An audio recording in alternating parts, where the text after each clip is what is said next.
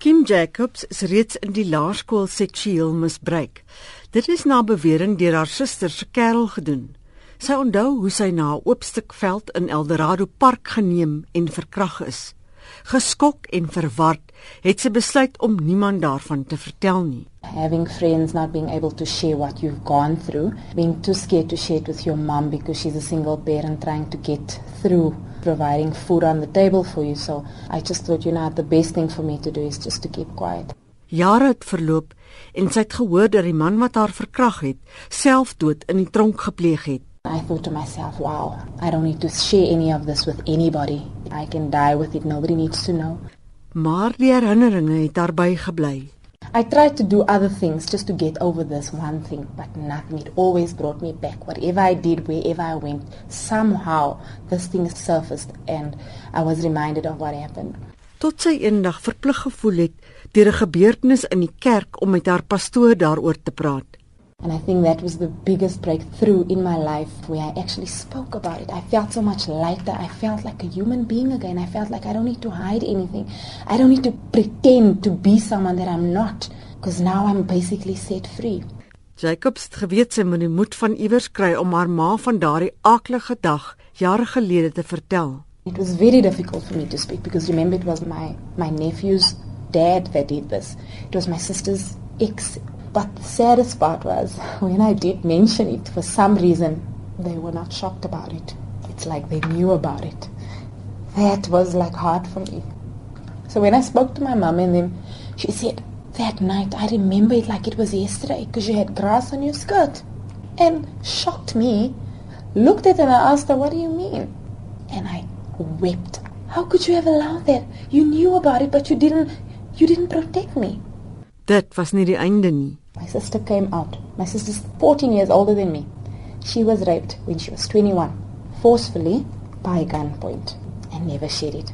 First time she shared it was when I shared mine, and she's already in her 40s. Kim se lewe het 'n nuwe wending geneem. Sy het besluit om haar lewe daaraan te wy om kinders en vroue aan te moedig om die stilswye te verbreek wat hulle gevange hou.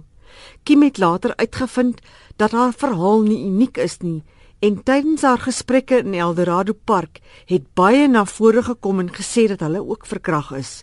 Hulle het ook gedink dit is beter om dit 'n geheim te hou.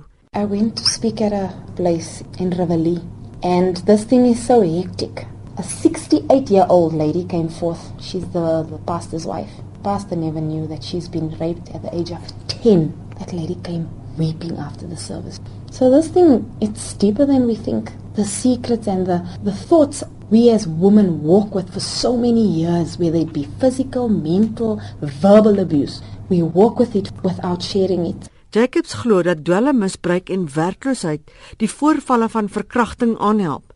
Die jongste misdaadstatistiek wys 'n toename in moord, seksuele misdade en inbrake in Eldorado Park tussen 2012 en 2013. Arrestasies wat met dwelm verband hou, is 3 keer meer in die tydperk. There's no recreational activities, there's nothing for the kids to do.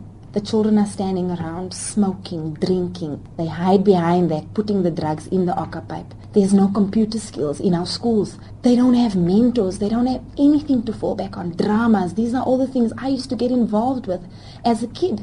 There's nothing.